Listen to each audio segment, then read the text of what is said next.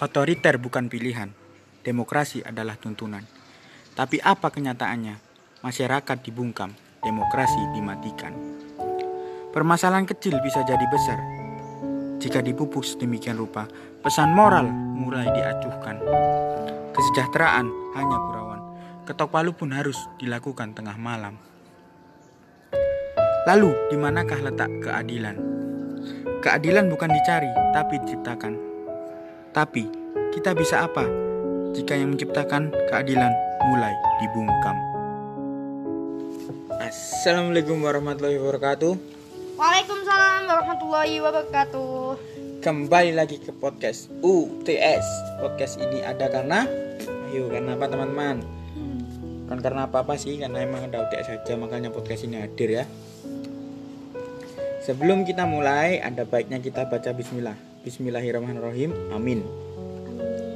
Sebelum memulai, perkenalkan saya Wahyu Widodo dari Ekonomi 19 NIM 021 dan rekan saya Halo guys, saya Almas Baiduri dari Ekonomi 2019A.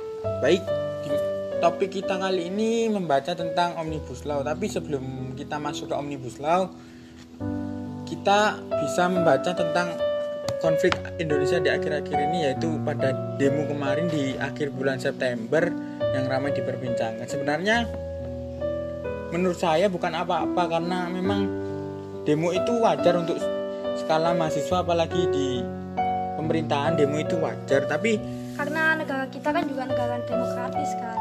Jadi ya gak apa-apa, wajar kita mengeluarkan pendapat kita.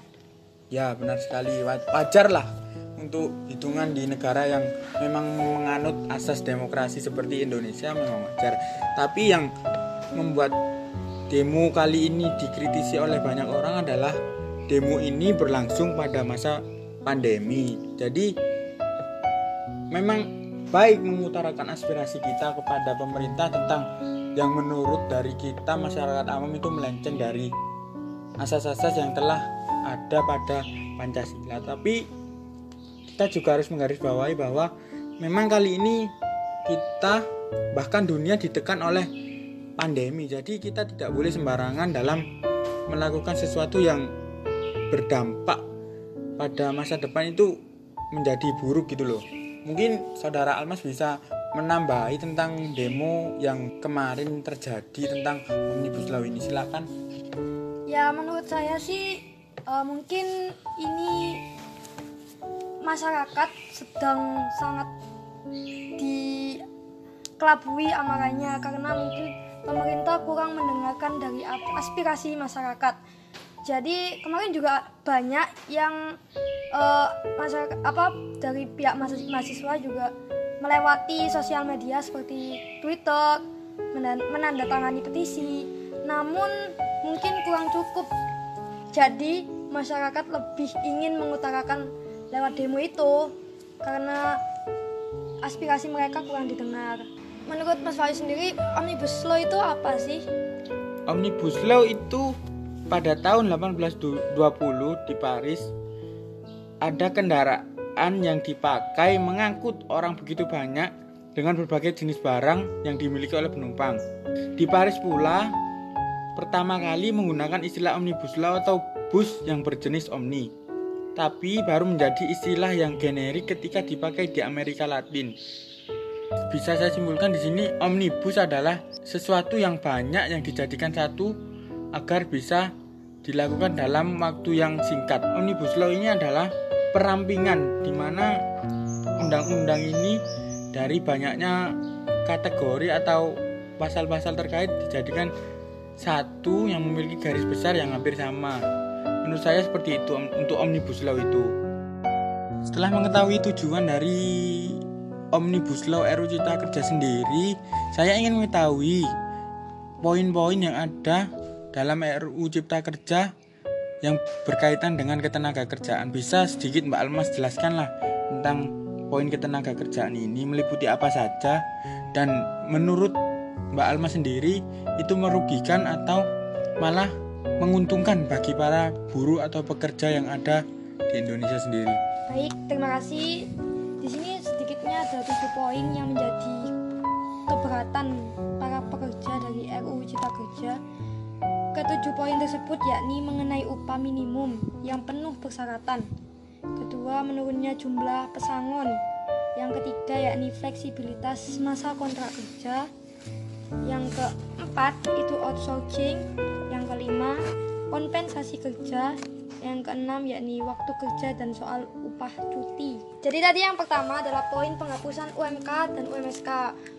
UMK sendiri adalah upah minimum kabupaten atau kota dan UMSK adalah upah minimum sektoral kabupaten atau kota.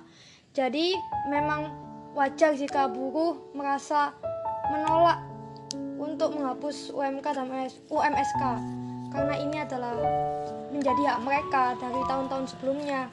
Jika ini dihapuskan maka e, pendapatan yang mereka dapatkan akan semakin berkurang dan ini bentuk dari ketidakadilan dari pemerintah. Bahwasanya pemerintah, tujuan pemerintah adalah mensejahterakan masyarakat, tapi ini malah membuat masyarakat semakin tertekan dengan pendapatan yang sangat sedikit. Lalu, poin kedua adalah pengurangan nilai pesangon. Jadi pihak buruh juga menolak pasal RUU Cipta Kerja yang memicu pengurangan nilai pesangon yang awalnya 32 bulan menjadi 25 bulan dengan metode 19 bulan dibayar pemilik usaha sedangkan 6 bulan lainnya ditanggung oleh BPJS Ketenagakerjaan. Hal ini yang memicu munculnya skema baru yakni 2-3 bulan dibayar pengusaha dan 9 bulan dibayar BPJS Ketenagakerjaan. Oke, diiringi dengan rintikan hujan, saya akan menjelaskan poin yang ketiga yakni perjanjian kerja waktu tertentu. Jadi, buruh juga menolak pasal yang mengatur mengenai tidak adanya batasan waktu status kontrak pekerja sehingga buruh uh, berpotensi berstatus kontrak seumur hidup. Jadi, jika konsekuensi yang terjadi pasal ini terlaksana, maka buruh tidak bisa mengakses berbagai hak yang seharusnya ia terima. Lalu, poin keempat yakni kontrak dan outsourcing seumur hidup. Di dalam RUU Cipta Kerja juga potensi memunculkan sistem kontrak outsourcing seumur hidup. Hal ini juga ditolak keras oleh para buruh karena karyawan kontrak dan outsourcing seumur hidup menjadi masalah serius bagi buruh. Pada poin keempat ini memunculkan banyaknya spekulasi tentang sistem kontrak seumur hidup. Hal ini tentu ditolak keras oleh para buruh. Dikarenakan jika menjadi karyawan kontrak seumur hidup, karyawan tersebut tidak akan mendapat jaminan apa pun di hari tua atau hari pensiun, pensiun nanti.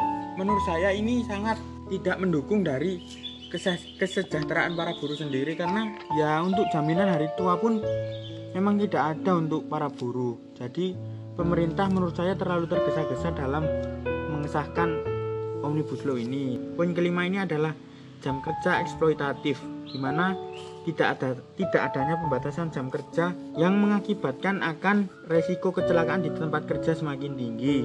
Hal ini tentu saja ditolak oleh para buruh. Poin yang keenam adalah penghilangan hak cuti dan hak upah atas cuti. Dalam RUU Cipta Kerja, cuti haid melahirkan bagi pekerja perempuan terancam hilang dan hak upahnya atas cuti tersebut pun hilang. Begitupun dengan cuti panjang yang juga berpotensi hilang. Masuk ke poin 7 dan poin terakhir adalah hilangnya jaminan pensiun dan kesehatan. Akibatnya adanya kontrak dan outsourcing seumur hidup adalah jaminan kesehatan dan jaminan pensiun bagi para buruh akan hilang. Dan dari tujuh isu hasil kesepakatan tersebut, buruh menolak keras karena itulah sebanyak 2 juta buruh sudah terkonfirmasi akan melakukan mogok nasional yang berlokasi di lingkungan perusahaan masing-masing. Baik dari tujuh poin yang sudah kita jelaskan tadi, menurut Mbak Alma sendiri, dari pemerintah apakah sudah memberikan penjelasan tentang poin-poin yang ada dalam RUU Cipta Kerja sendiri? Karena yang dapat kita lihat sebagai orang awam adalah itu sangat merugikan bagi para buruh. Mungkin Mbak Almas bisa menjelaskan tentang sanggahan dari apa penjelasan pemerintah terkait poin-poin tersebut. Jadi kalau dari pemerintah sendiri mungkin kita kan sekarang juga mengalami masa pandemi, mengalami masa-masa yang sulit. Dari pihak pengusaha sendiri juga aslinya kebingungan karena mereka juga sedang lagi tidak baik-baik saja karena pendapatan mereka juga menurun jadi mereka juga bingung harus membayar para buruh itu seperti apa karena kan dengan pendapatan menurun berarti uh, seharusnya sekarang dipikirkan oleh para pengusaha. Dan pemerintah ini juga selain memikirkan para pengusaha pemerintah ini juga memikirkan dari pihak pengangguran orang-orang yang pengangguran. Karena apa? Mungkin lebih baik kita menurunkan pesangon atau menurunkan nilai UMK daripada kita meningkatkan jumlah pengangguran yang ada di Indonesia ini. Karena sekarang ini banyak sekali orang-orang yang terkena PHK, terkena pecat jadi mungkin lebih baik uh, pesangon itu diturunkan atau nilai UMK UMK itu tidak diadakan dulu. Aslinya tujuan pemerintah ini baik kan karena di masa pandemi ini kan kita juga masa di masa-masa kesulitan. Jadi semua juga merasakan masa-masa sulit. Pemerintah juga di sini ingin mempersingkat regulasi, maksudnya kayak di perizinan pengusaha dari tujuh poin tersebut yang sudah ditolak oleh pihak para buruh mengenai RUU Cipta Kerja mungkin kan sudah ada sanggahan dari pemerintah ada penjelasan dari pemerintah terkait tujuh penolakan dari pihak buruh menurut menurutmu sendiri gimana Mas Ayu? Kalau dari saya sih saya lebih mendukung dari pihak buruh ya karena pihak buruh sendiri adalah pihak di mana kita sebagai pekerja yang di mana dalam pemikiran Plato sendiri dibagi tiga dan pekerja harus benar-benar disejahterakan karena yang menunjang segala aktivitas perekonomian di suatu negara adalah pekerja tersebut. Jika tidak ada tidak adanya pekerja di sebuah negara, tidak ada kegiatan perekonomian, tidak ada pendapatan, maka arus perekonomian di negara tersebut bisa dibilang mati. Ya kita tahu kan kita kan sekarang ada di masa pandemi. Mungkin pemerintah mengeluarkan RUU Cipta Kerja ini kan untuk membantu selain membantu para pekerja juga membantu pihak para pengusaha yang sedang kelimpungan karena pendapatan mereka menurun. Pemerintah juga menolong untuk pihak para pengangguran kan agar mereka juga dapat uh, melakukan aktivitas lagi. Setelah membahas panjang lebar tentang omnibus law, mungkin Mbak Almas bisa menyimpulkan tentang pendapat pribadi Mbak Almas soal omnibus law ini sendiri. Kesimpulan tentang omnibus law ini bisa disahkan atau tidak, monggo. Ya kalau misalkan disahkan ya kan udah disahkan. Jadi mungkin kita bisa memberikan kesempatan kepada pemerintah untuk uh, menunggu hasil-hasil gimana sih dua tahun atau tiga tahun ke depan kalau apakah omnibus law ini membawa dampak baik atau menambah dampak buruk? Kalau misalkan menambah dampak buruk mungkin kita bisa merevisi lagi karena ini kan juga belum final. Dan kalau misalkan menambah dampak baik itu kan juga sangat uh, baik bagi kita semua. Udah menurutku itu itu aja sih. Kalau Mas Wahyu sendiri gimana?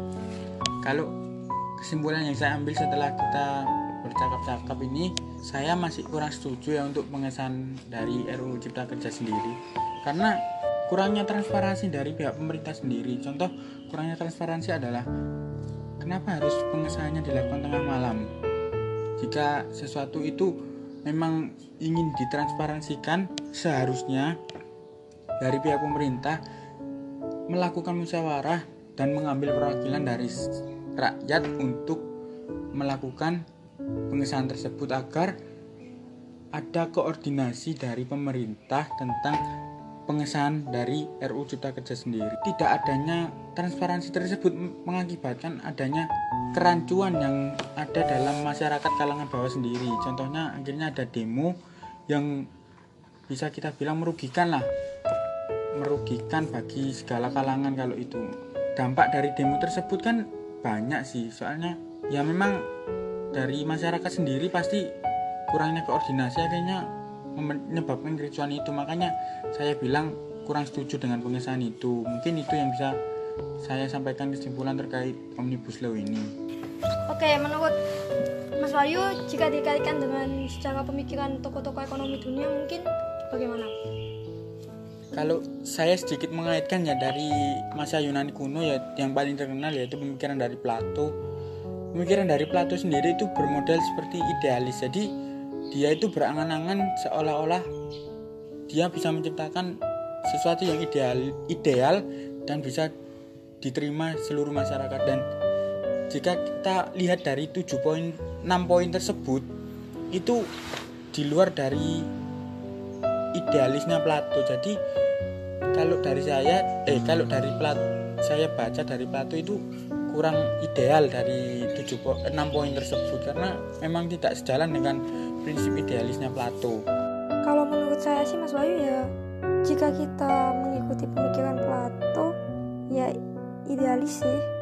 Karena kan kita di masa-masa pandemi ini kan kita lagi mengalami masa-masa yang sulit jadi RUU Cipta Kerja ini mungkin bisa dijadikan solusi yakni penanganan kita di masa-masa yang sekarang.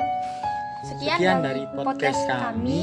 mungkin, mungkin bisa, bisa ditunggu podcast podcast selanjutnya. selanjutnya. Terima Oke, kasih. terima kasih. Dadah. Assalamualaikum. Mungkin perbedaan pendapat Omnibus Law sudah berlalu. Kenapa kita masih berlarut? Demokrasi harus diperbaiki, bukan malah dihakimi. Jangan mudah dibodohi oleh cerita-cerita fiksi. Perdamaian adalah tujuan, perpecahan adalah buangan. Yuk, satukan tekad untuk mencapai tujuan, yaitu perdamaian.